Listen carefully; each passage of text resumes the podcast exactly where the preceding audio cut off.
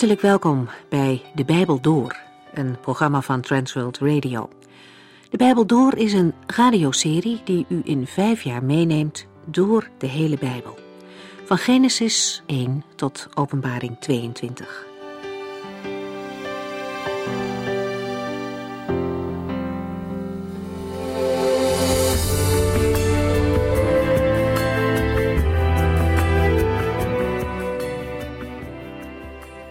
En zo zijn we in deze serie alweer toe aan het laatste gedeelte van Haggai. De profeet komt hier twee keer met een boodschap van de Heer op één dag. Voor zover we weten is dit de laatste dag van zijn publieke optreden. De periode waarin Haggai spreekt is niet zo groot, tenminste als we kijken naar de profetieën die in de Bijbel staan. Het begint met een aansporing voor het volk om het werk aan de tempelbouw weer op te pakken, zo'n drie maanden eerder. Een maand later spreekt Haggai op het tempelplein. Hij bemoedigt het volk namens God en spreekt over de toekomst. En dan komt Haggai met een derde boodschap. Want niet alleen de bouw van de tempel is belangrijk, de Heere wil ook voorkomen dat het volk terugvalt in een soort huigelachtige eredienst, zoals voor de ballingschap het geval was. En daarom moet Haggai de priesters twee vragen stellen over de wet. Dat gebeurde waarschijnlijk op het tempelplein, omdat de boodschap voor het hele volk bedoeld was. De priesters hadden als taak het volk te onderwijzen over de wetten van God en bij hen kon je goed terecht met vragen. De vragen van Haggai zijn niet zo moeilijk. De antwoorden liggen zelfs nogal voor de hand. De boodschap is echter een hele belangrijke. Iets wordt niet heilig doordat het met iets heiligs in aanraking komt, maar iets wordt wel onrein als het met iets onreins in aanraking komt. Kortom, het heilige is niet besmettelijk, maar het onreine wel. Als een klein deel van ons leven toegewijd is aan God, betekent dat niet automatisch dat ons hele leven heilig is. Maar omgekeerd is het wel zo dat een kleine zonde ons hele leven doortrekt. Dat brengt ons terug bij de kern van Gods bedoeling, namelijk dat we Hem zouden liefhebben met heel ons hart, heel onze kracht en heel ons verstand. Een heilig en toegewijd leven vraagt alles van ons, maar tegelijkertijd geeft het ons ook alles.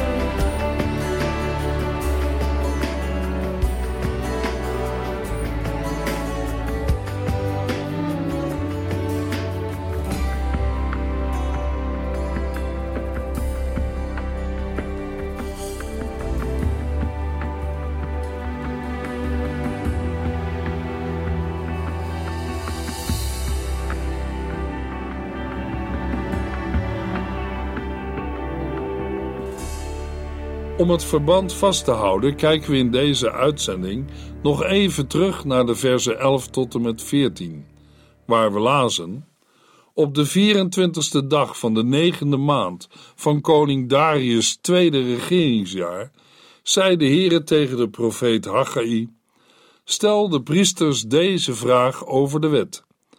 Als iemand een stuk heilig offervlees in zijn kleren draagt en zijn kleren strijken toevallig langs wat brood, wijn of vlees, wordt het dan ook heilig? Nee, natuurlijk niet, antwoordden de priesters. Heiligheid gaat niet zomaar van het ene op het andere over. Toen vroeg Haggai, maar als iemand een lijk aanraakt en zo volgens de wet onrein wordt en dan iets aanraakt, wordt dat dan onrein?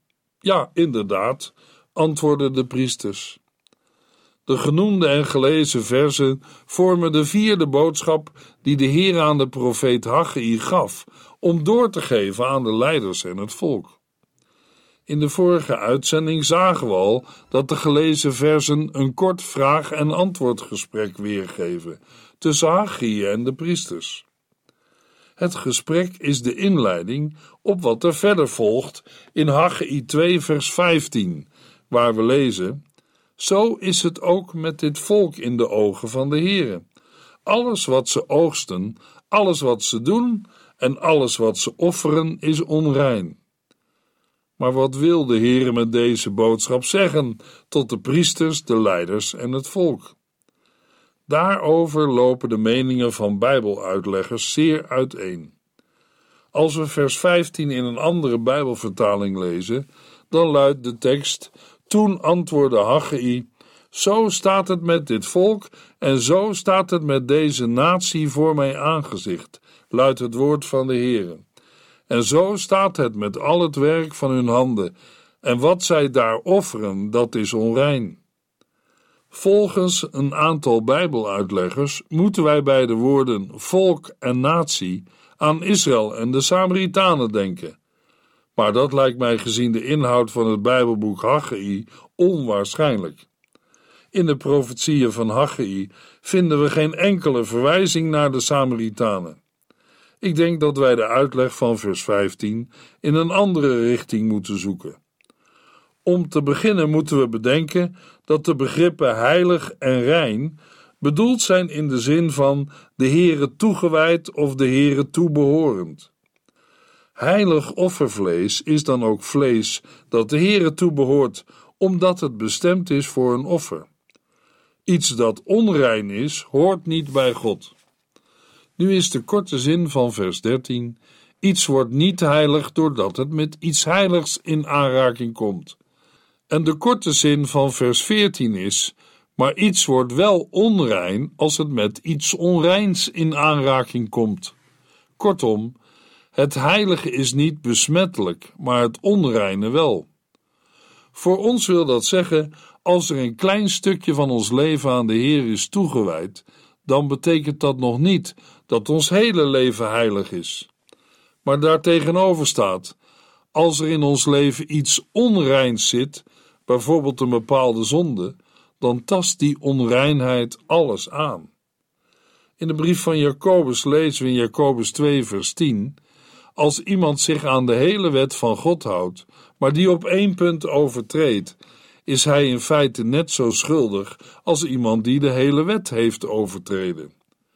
Kortom, wie tegen één gebod zondigt, staat schuldig aan de hele wet moeten wij op grond van de vragen die aan de priesters worden gesteld, de woorden in Haggai 2 misschien zo begrijpen dat juist de priesters wat gereserveerd stonden tegenover de profetische oproep tot herbouw van de tempel. Zij hadden er de leiders en het volk op kunnen wijzen dat het brandofferaltaar voor de Here al jaren geleden was herbouwd en dat er sindsdien ook al offers aan de Here werden gebracht, zoals de Heer had voorgeschreven in zijn wet. En in die offers klopte toch het hart van de eredienst voor de Heere. Maar Gods zegen was uitgebleven. Zou herbouw van de tempel dan wel helpen in de noodsituatie waarin het volk verkeerde? Als de priesters gereserveerd stonden tegenover de herbouw van de tempel, dan ziet het stuk heilig offervlees op de offerdienst, die geen effect heeft gehad op de eerste levensbehoeften. Immers in Haggai 1 vers 9 lazen we, u rekende op veel, maar kreeg weinig. En toen u het binnenhaalde, blies ik het weg. Niets bleef over. En waarom? Omdat mijn tempel in puin ligt, terwijl u allemaal voor uw eigen huis loopt te draven. Gods zegen bleef uit. Zijn huis lag in puin en de oprechte dienst aan de Heere leefde niet meer. De hartelijke liefde tot de dienst van de Heere God ontbreekt. Liefde die dringt tot herbouw van Gods tempel. De offers worden wel gebracht, maar niet met de juiste gezindheid. Maar God liefhebben boven alles en met heel je hart is wat anders dan doen wat er wordt gevraagd. Daarom houdt de profetie van Haggai niet op bij Haggai 2 vers 10. De Heere stoot door naar de wortels van het probleem. Haggai geeft in de gelezen versen, ook voor ons, een hele praktische boodschap. Gelovigen, Joden en niet-Joden, kunnen de Heere niet dienen met een minimum als wij menen met de invulling van ons geloofsleven te hebben voldaan aan Gods voorschriften en inzettingen en verder ons eigen leven wel kunnen leven, dan vergissen wij ons sterk.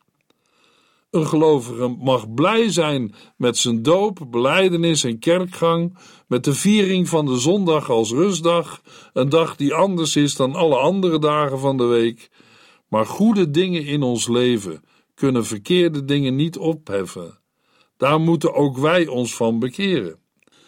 De Heer Jezus zegt in de bergreden, in Matthäus 7, vers 21: Niet alle mensen die Heren tegen mij zeggen, komen in het hemelse koninkrijk. Want daar komt u alleen als u doet wat mijn hemelse Vader wil. Het brengen van een geestelijk offer maakt de rest niet automatisch goed. Maar omgekeerd, wat heeft de zonde een macht? Wat werkt de zonde door en hoezeer wordt alles door de zonde aangetast? Zelfs wanneer een mens bezig is met de allerheiligste dingen, kan die macht van de zonde ons nog achtervolgen. Wij zijn niet klaar als er nog ergens een plekje voor God in ons leven overschiet. Ook niet als we toch wel godsdienstige mensen zijn. Daarmee zijn de woorden van de profetie van Haggai ook actueel voor vandaag. Haggai 2 vers 16 tot en met 20 Vroeger, voor de herbouw van de tempel, ging het er steeds als volgt aan toe. Als u een graanoogst van twintig mut verwachtte, bleek er maar tien mut te zijn. Als u verwachtte vijftig vaten wijn uit de wijnpers te scheppen, bleken het er maar twintig te zijn. Ik stuurde plantenziekten, schimmel en hagel om uw oogst te vernielen. Maar u bent niet naar mij teruggekeerd, zegt de Heere. Let nu eens goed op wat er na vandaag, de 24ste van deze maand, gaat gebeuren. Want vandaag zijn de fundamenten van de tempel van de Heere gelegd. En van nu af zal ik u zegenen. Bedenk dat ik u deze belofte geef. Voordat u zelfs maar bent begonnen aan de eigenlijke bouw van de tempel, en voordat u uw graan hebt geoogst, en voordat er een nieuwe oogst is van druiven, vijgen, granaatappels of olijven. Dit is mijn belofte. Vanaf vandaag zal ik u zegenen. De versen 16 tot en met 20 staan volgens vele Bijbeluitleggers niet op de juiste plaats. Overwegend zijn de meeste uitleggers van gedachten dat de versen 16 tot en met 20 aansluiten bij Haggai 1 vers 15. Daarmee hoort de profetie, volgens deze Bijbeluitleggers, niet bij de profetie van de 24ste dag van de negende maand van koning Darius' tweede regeringsjaar. Volgens de genoemde Bijbeluitleggers zou de profeet Haggai deze boodschap hebben gesproken op de 24ste van de zesde maand.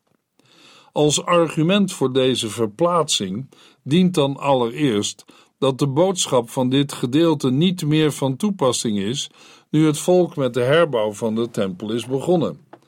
En bovendien is de herbouw niet van start gegaan op de 24ste van deze maand, zoals in vers 19 staat, maar op de 24ste van de zesde maand. Nu wordt er met de woorden van de profeten wel vaker geschoven door Bijbeluitleggers, omdat zij menen orde te moeten scheppen in wat zij als ongeordend zien. Maar het is de vraag of wij voldoende informatie hebben om dat beter te kunnen beoordelen dan de oorspronkelijke opstellers. Vooral in het licht van wat we lezen in 2 Petrus 1, vers 20 en 21. U moet goed onthouden dat niets van wat de profeten in de boeken hebben gezegd, zonder de hulp van de Heilige Geest kan worden uitgelegd. Want zij hebben die woorden niet zelf bedacht, maar de Heilige Geest heeft hen ertoe gedreven namens God te spreken. Wij laten de versen 16 tot en met 20 dan ook gewoon staan waar ze staan, waar de Heilige Geest, zo geloven wij, ze een plaats heeft gegeven. Daar is ook geen enkel fundamenteel bezwaar tegen in te brengen. Hoe vaak gebeurt het niet in de Bijbel dat de Heere bij monden van zijn dienaren zijn volk laat terugkijken naar het verleden? Niet alleen van drie maanden terug, maar soms ook veel langer terug. En wat de datum betreft, Hier wordt niet gesproken over het allereerste begin van de herbouw. Daarvan spreekt Haggai 1 vers 15. Haggai 2 vers 16 heeft het over vroeger, voor de herbouw van de tempel. In een andere vertaling lezen we in vers 16: Eer er steen op steen gelegd werd aan de tempel van de Heere. En dat is een uitdrukking die doet denken aan het optrekken van de muren. En dat sluit weer aan bij vers 19, dat van de 24ste van de negende maand zegt: Vandaag zijn de fundamenten van de tempel van de Heere gelegd. We moeten het zo begrijpen dat in de afgelopen drie maanden, sinds de eerste bouwactiviteiten zijn begonnen, het voorbereidende werk is verricht. Puinruimen, bouwmaterialen verzamelen, onder andere houthakken. Immers het terrein waar de tempel had gestaan, moest weer bouwrijp worden gemaakt, waarna het fundament kon worden gelegd. In drie maanden tijd is er dan ook heel wat gebeurd, te meer als we bedenken dat er aanvankelijk aarzelingen waren onder het volk en velen ontmoedigd waren omdat veel dingen tegenzaten. Dan gaat het werk niet snel en voortvarend. Trouwens, het heeft nog tot 515 voor Christus geduurd voordat de hele tempel was herbouwd. De boodschap van Haggai 2 vers 16 tot en met 20 past dan ook precies op deze datum, en dat is niet zonder betekenis. Want de Heere zegt dat de leiders en het volk bij deze datum een streep moeten zetten op de kalender, omdat deze dag een ommekeer betekent in de situatie van het volk. Dan moet het volk wel goed weten over welke datum het gaat. Op de dag dat de eerste stenen van de muren van Gods huis op elkaar worden gelegd en er iets van de herbouwde tempel zichtbaar gaat worden, op die dag kijkt de Heere met de leiders en het volk achterom en vooruit. We zouden het kunnen vergelijken met een eerste steenlegging van een nieuw gebouw. Soms gebeurt er in een toespraak dan hetzelfde. Alleen in het Bijbelboek Haggai is het de Heere die spreekt. De Heere zegt: Vroeger, voor de herbouw van de tempel, ging het er steeds als volgt aan toe.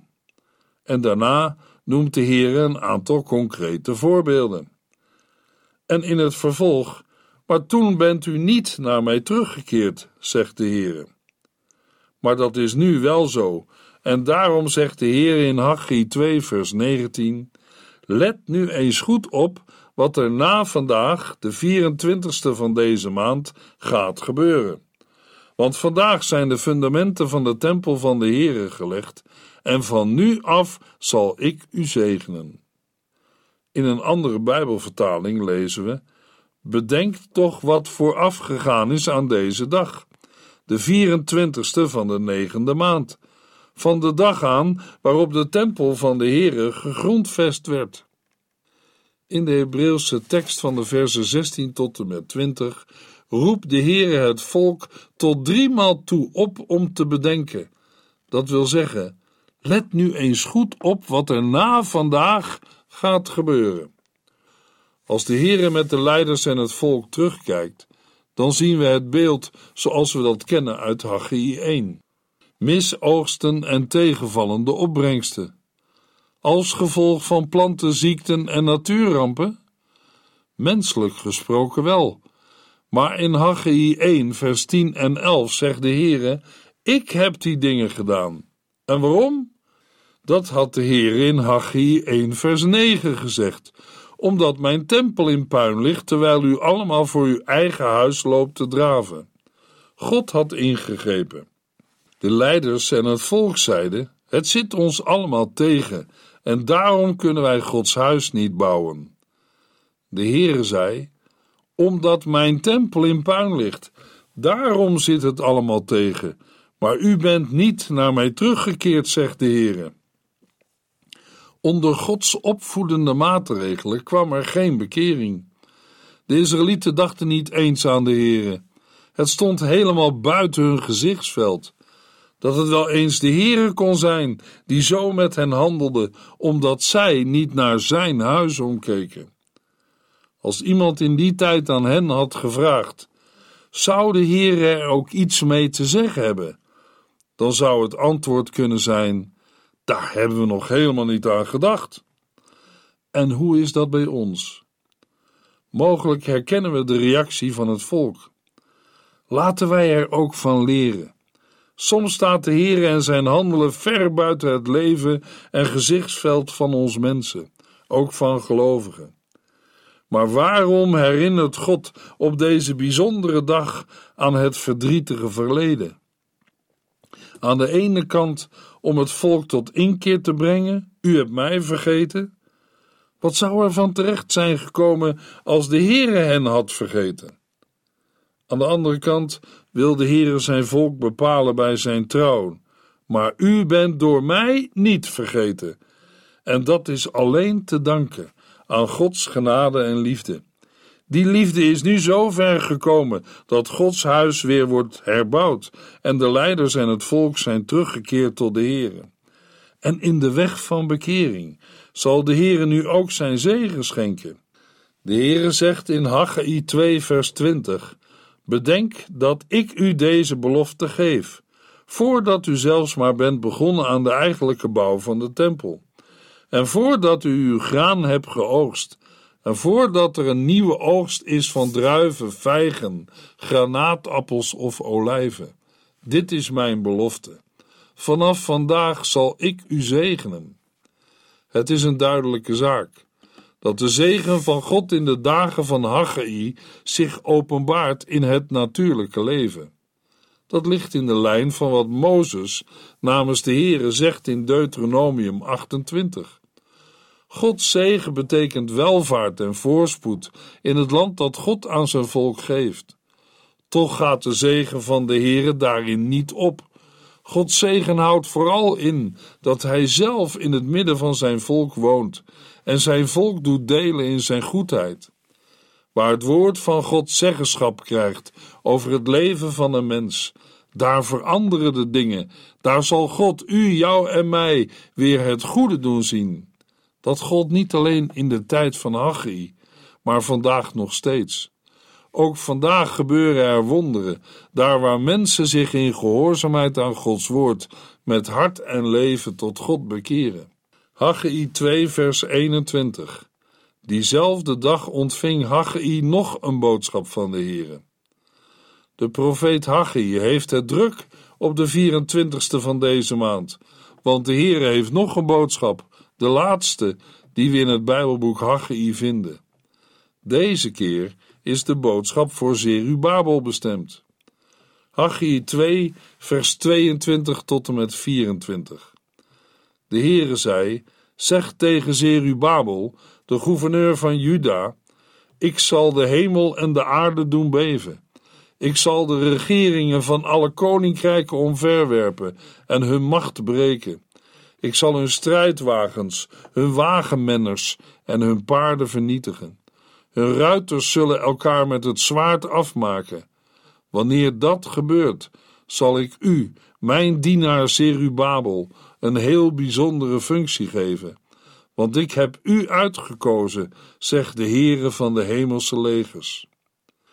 Er zijn Bijbeluitleggers die benadrukken dat Haggai in Zerubabel een type heeft gezien van de Heer Jezus in zijn eerste komst als de vervulling van Gods belofte tot redding van zijn volk. Daar zit een kern van waarheid in. Maar daarmee is niet alles gezegd. In vers 22 horen we net als in vers 7 dat de Heere de hemel en de aarde zal laten beven. Wat dat inhoudt staat in vers 23. Alle vastigheden zullen verdwijnen. Zaken en situaties waarvan de wereld dacht dat ze erop konden bouwen. Ze vallen weg.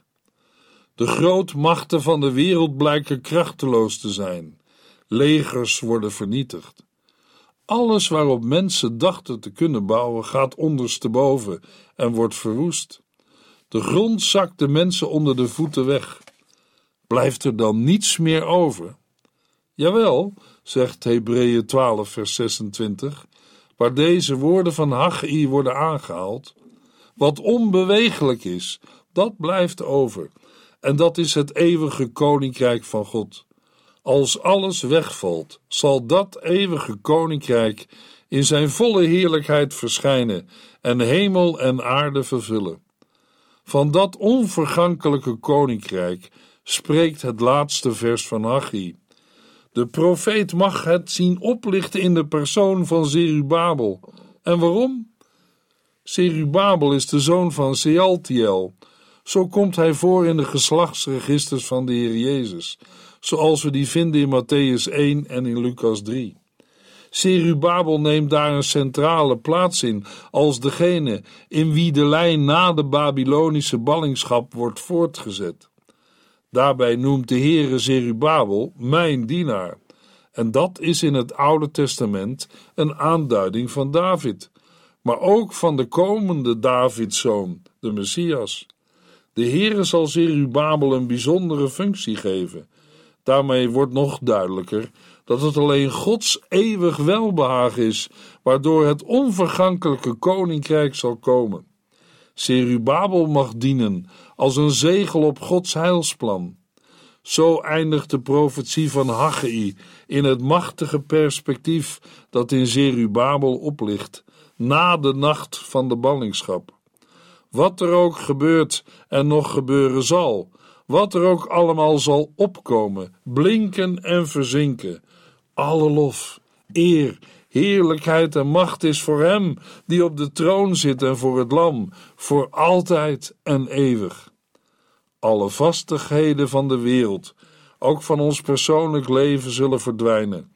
Maar de Heer Jezus Christus is de garantie voor de vervulling van al Gods beloften. Leven en toekomst is er alleen voor allen die bij Hem schuilen en op Hem vertrouwen. Bent u al een burger van dat koninkrijk?